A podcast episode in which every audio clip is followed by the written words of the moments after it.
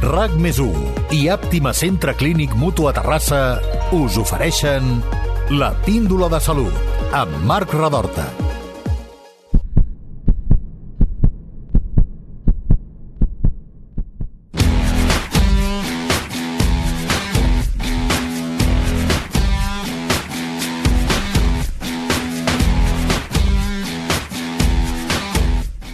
La tiroide. Tothom n'ha sentit a parlar, però poca gent sap exactament quina funció fa, quines alteracions presenta i sobretot com es tracta. De fet, i segons dades de la Federació Internacional de Tiroides, la meitat de les persones que pateixen algun tipus d'afectació en aquesta glàndula ho desconeix.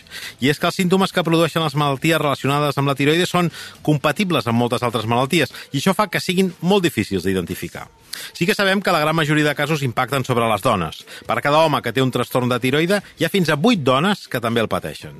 Avui parlarem amb un autèntic especialista en aquest camp, com és el doctor Jordi Mesa, metge especialista en endocrinologia i nutrició d'Endovallès Àptima Centre Clínic. Ell ens explicarà tot allò que desconeixem d'una glàndula que és absolutament vital pel nostre cos i que pot alterar el seu comportament de manera rellevant. I també tindrem el testimoni de la Mercè, que va ser diagnosticada d'hipertiroidisme i que gràcies als tractaments ara fa una vida completament normal. Amb els dos aprendrem un munt de coses molt interessants i que us faran entendre molt millor com funciona el vostre cos i també les vostres emocions.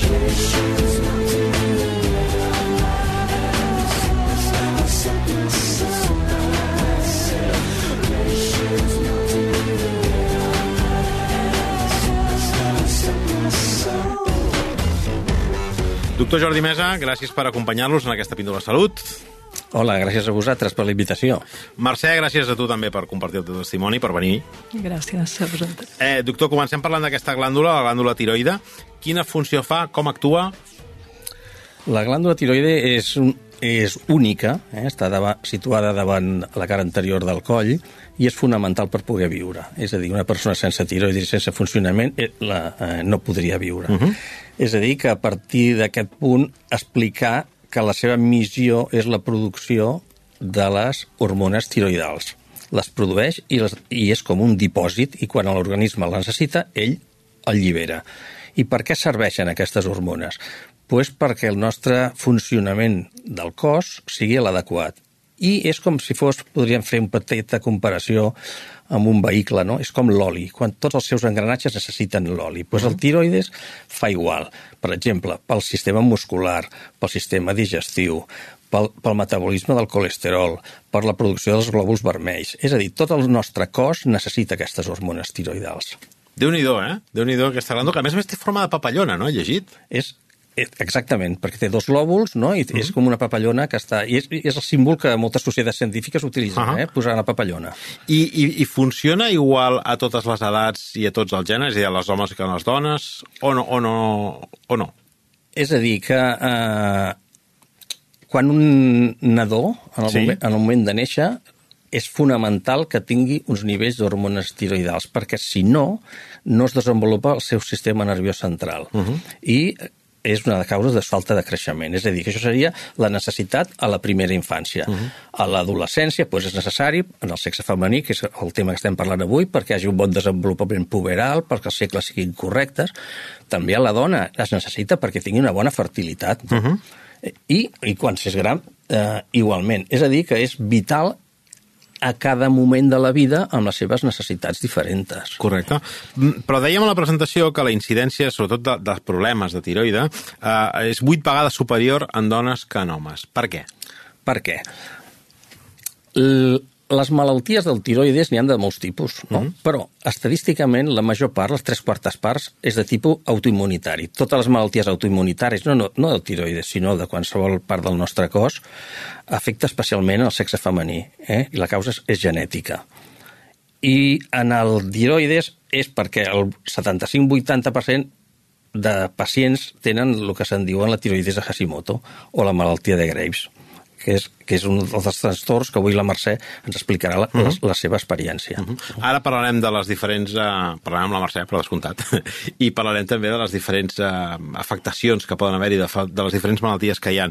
Eh, a banda de les dones, hi ha algun altre grup de risc? Hi ha, hi ha perfils més propensos que d'altres a tenir problemes de tiroides? Uh, a part de la qüestió de, de, del, del sexe, Sí, sí. hi ha altres factors que poden condicionar problemes de tiroides, òbviament. Per exemple, la, la, la gent gran, no?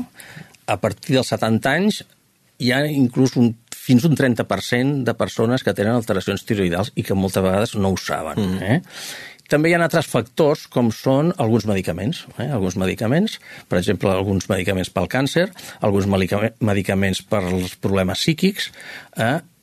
interfereixen amb la síntesi o, o amb la producció o, o en els efectes de les hormones tiroidals i donen un problema. Uh -huh. És a dir, que per aquest motiu eh, el nostre metge de família té que estar al cas, eh, i sempre que sospiti qualsevol problema, amb una analítica molt senzilla ho podem detectar actualment. Perquè el, el, la fórmula de diagnosi és a través d'una mostra de sang. No? Una mostra de sang molt senzilla, clar. Uh, anem ara sí a les afectacions, les malalties més habituals que pot patir aquesta glàndula. Suposo que d'haver-hi moltes, però anem a les, les, les 3, 4, potser més, més, més, més habituals. Quines serien? Per una banda seria problemes de funcionament. I de funcionament hi ha de que funciona massa i que funciona poc. Poc. Que funciona massa és hipertiroidisme i que funciona poc és hipotiroidisme. I la tercera branca seria problemes orgànics de la glàndula, per exemple, goll. En català es diu goll, en castellà es diu bocio, I què i és? normalment és l'augment desmesurat i no proporcional de la glàndula De la glàndula, tiroides, uh-huh. habitualment perquè es produeixen nòduls. Aquests nòduls poden haver fins un 20 o un 30% de la població que en, que en tingui, Sí. i d'aquests una petita proporció doncs, pot tenir un càncer de tiroides. Uh -huh. mm? Mhm.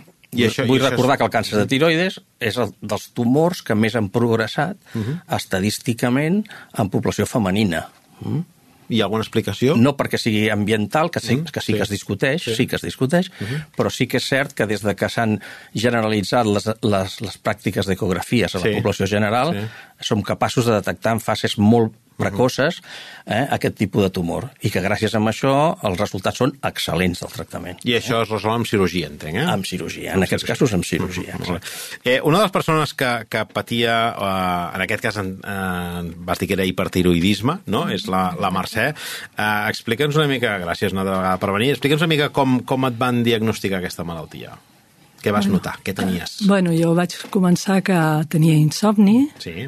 Vaig perdre bastant de pes i sobretot anava molt accelerada molt accelerada. Això és el que realment Sí. em xocava més, no? I al final vaig començar amb palpitacions, que llavors ja te n'adones que és un símptoma que dius, això ja em preocupa. Perquè, clar, els altres, mm, bueno, a la vida diària, no?, amb l'estrès que portem, i jo estava passant una situació d'estrès, eh, bueno, ho considerava normal. Clar, eh? ta- ta- tampoc són símptomes tan, tan estranys, vull dir que es poden confondre no? amb, mo- amb moltíssimes altres coses. No? Totalment. Vull dir que... Uh -huh. eh, i, I què et porta fins a la consulta? Si vas a una consulta, però no d'un endocrino, no? Entenc que vas a una consulta... Que, que, per on comences, diríem? Bueno, vaig començar amb una analítica Sí. on ja va sortir Ah, tot, però, però perquè ja em van derivar uh -huh. un metge de capçalera, exacte, a, uh -huh.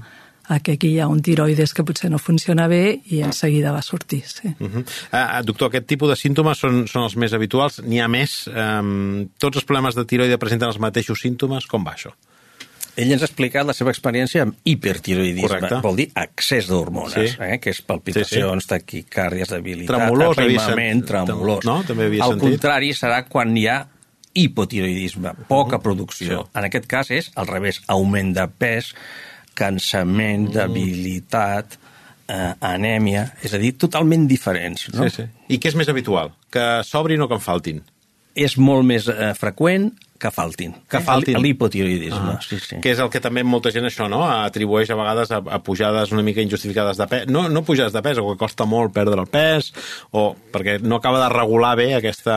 Sí, però el pobre tiroides Sí, no, no, hi ha una part que també s'ha d'anar al gimnàs, eh? el, També. el, el culpabilitzen sí, sí. molt, eh? És que molt, té molt, molt mala molt. fama, la tiroides. Sí, sí, eh? sí, Ningú està- parla bé, o sigui, fa unes coses impressionants. Està molt culpabilitzat, Exacte. eh? I a vegades no, no sempre és la culpable. No, no eh? sempre és la culpable. No, no, això és veritat, això és veritat, però sí que és veritat que a, a, a través d'aquests símptomes, eh, no era el cas, no és el cas de la Mercè, però sí que, clar, un cop, un cop es detecta això, quin és, quin és el tractament? Què, com com s'aborden aquests casos sí. tant d'hipertiroidisme com d'hipotiroidisme? Sí, no, que volia complementar la, la, la, Sí. el, el comentari anterior, i és que realment no, no és el culpable de tot, però sí que és cert, per exemple, que una persona obesa, no? si resulta que té un hipotiroidisme i no està diagnosticat, les mesures per perdre pes, com pot ser activitat física, alimentació, etc, no, no són tan efectives com Correcte. si està normal. És a dir, Correcte. que s'ha de tractar sí o sí per normalitzar-se. Correcte. Eh? I com es tracta? Com es tracta? A veure, eh, Comencem pel cas de, de la Mercè, per exemple, perquè que, què, què et van dir? Què havies de fer tu? Què A mi em van començar a donar medicació Sí. eh, per frenar aquest tiroides. Uh -huh. Em van donar beta-bloquejants, crec que era, per, per també normalitzar el ritme cardíac. Sí. I, i ja està. Però això es va aguantar al principi, però anava fent pics i llavors ja vam passar a un segon moment que va dir anem a revertir tota aquesta situació i en vez de deixar-te hipertiroidea anem a que aquest tiroidis funcioni poc. I llavors em van fer un tractament que el doctor Mesa us explicarà millor que jo, que era el iodo radioactiu. Uh -huh. eh, és a dir, d'entrada et van recomanar, o sigui, et van prescriure medic medicació. medicació. medicació, que pastilles, no? Entenc que devien ser. va fer medicació oral, Medicació oral. que són els betabloquejants que ella ha comentat, Sí. que va prendre i que no tolerava gaire bé, uh -huh. i uns antitiroidals, substàncies que frenen la producció de l'hormona.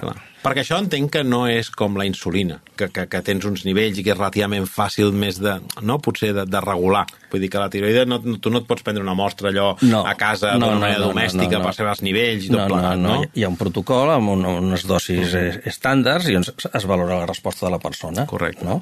Si amb tractament oral, que és el més senzill, tot funciona estupendament bé, després que passi un, un cert temps, que acostuma a ser un any aproximadament, si no, si no reverte, si no torna a presentar-se, doncs et donarem per curat. Però si torna a venir per segona vegada, que va ser el seu cas, Sí. que semblava que ja estava curat, però al baixar la dosis o al treure torna a venir, es fan tractaments definitius. Els tractaments definitius són dos, o radioioda o cirurgia. Mhm.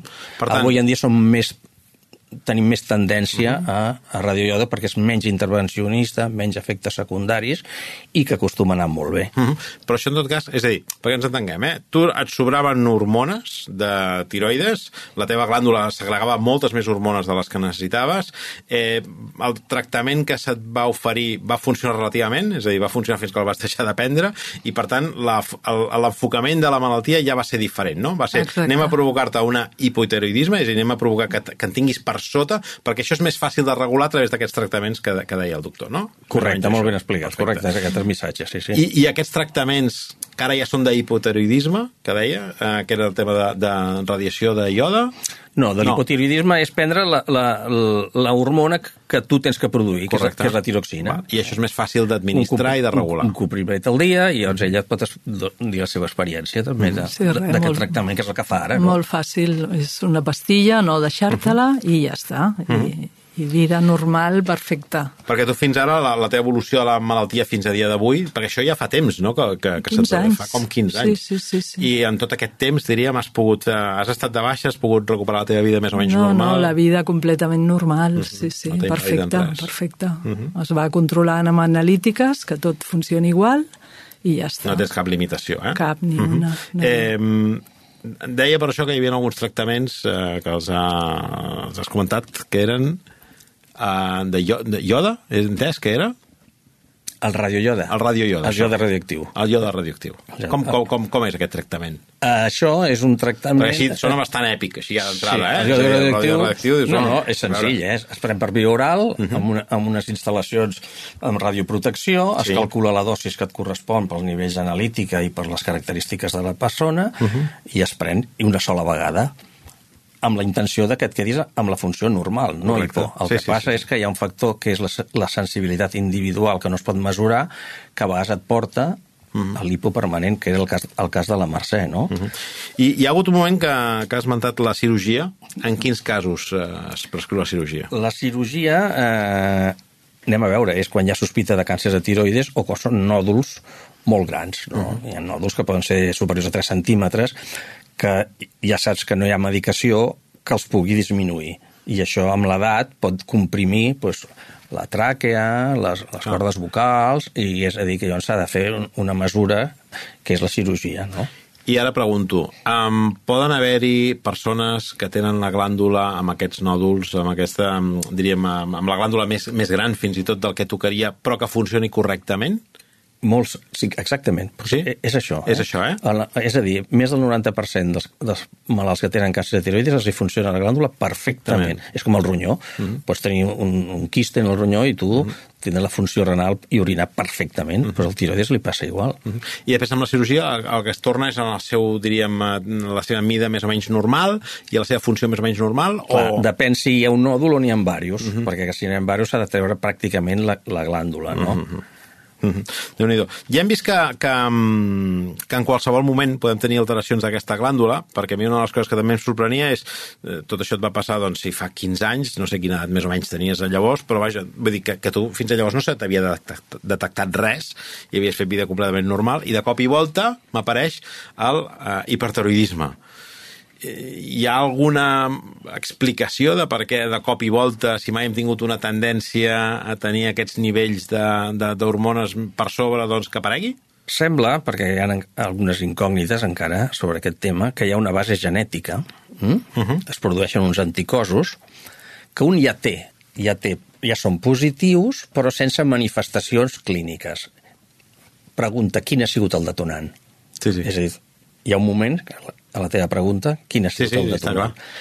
Eh, doncs s'ha parlat de, de circumstàncies com poden ser situacions d'estrès, altres malalties concomitants, o no se sap, eh? o no se sap. També vull dir que hi ha persona que té aquests anticossos positius perquè li ve de família sí.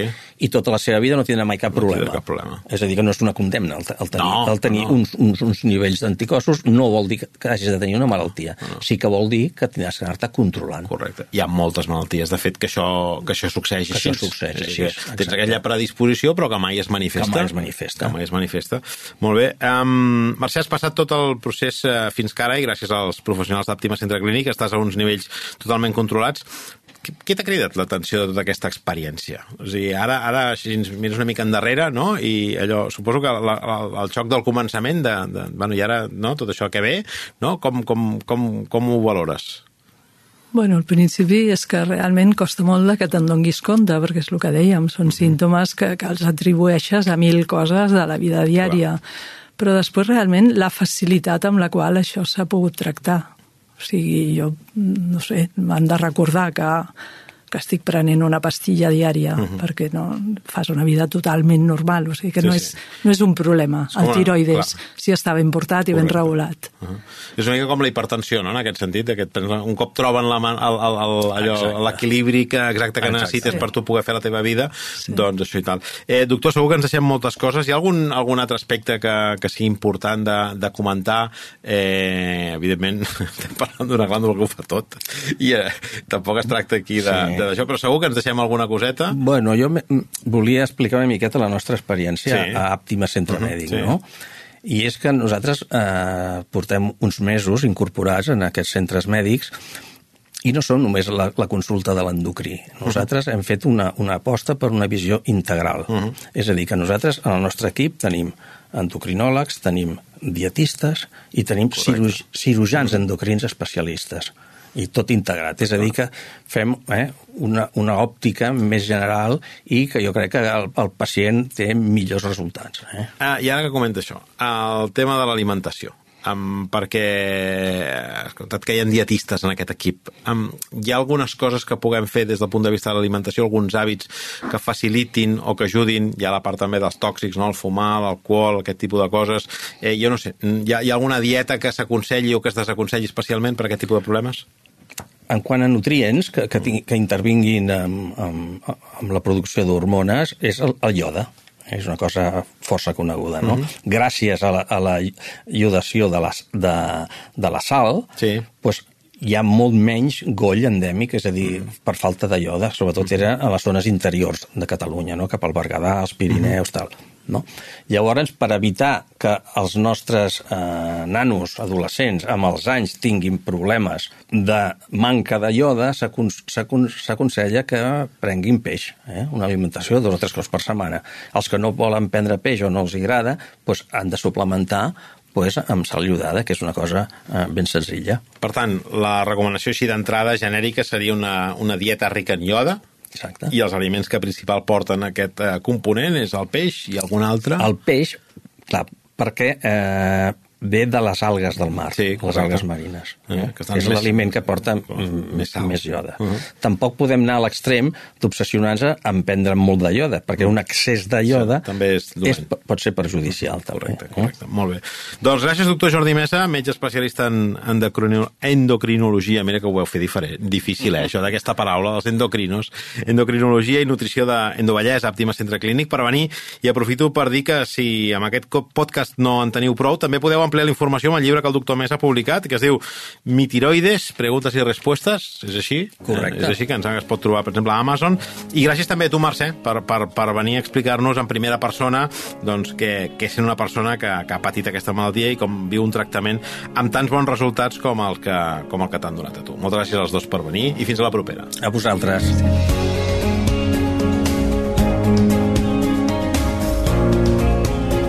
La píndola en un minut. La tiroide és una glàndula que els humans tenim a la part frontal del coll i que regula molts aspectes vitals del nostre creixement i del funcionament del nostre cos. Aquesta glàndula pot patir tres grans problemàtiques, o que segregui massa hormones, hipertiroidisme, o que en segregui massa poques, hipotiroidisme, o que tingui alguna alteració física, el que es coneix com goll. Avui en dia hi ha molts tractaments farmacològics que ajuden a compensar els desnivells de producció hormonals. Els problemes de golls, nòduls o càncer de tiroide es solucionen mitjançant una intervenció quirúrgica. Per prevenir aquest tipus de problemes es recomana un estil de vida saludable i una dieta rica en ioda, un component que es troba principalment a la sal i en el peix.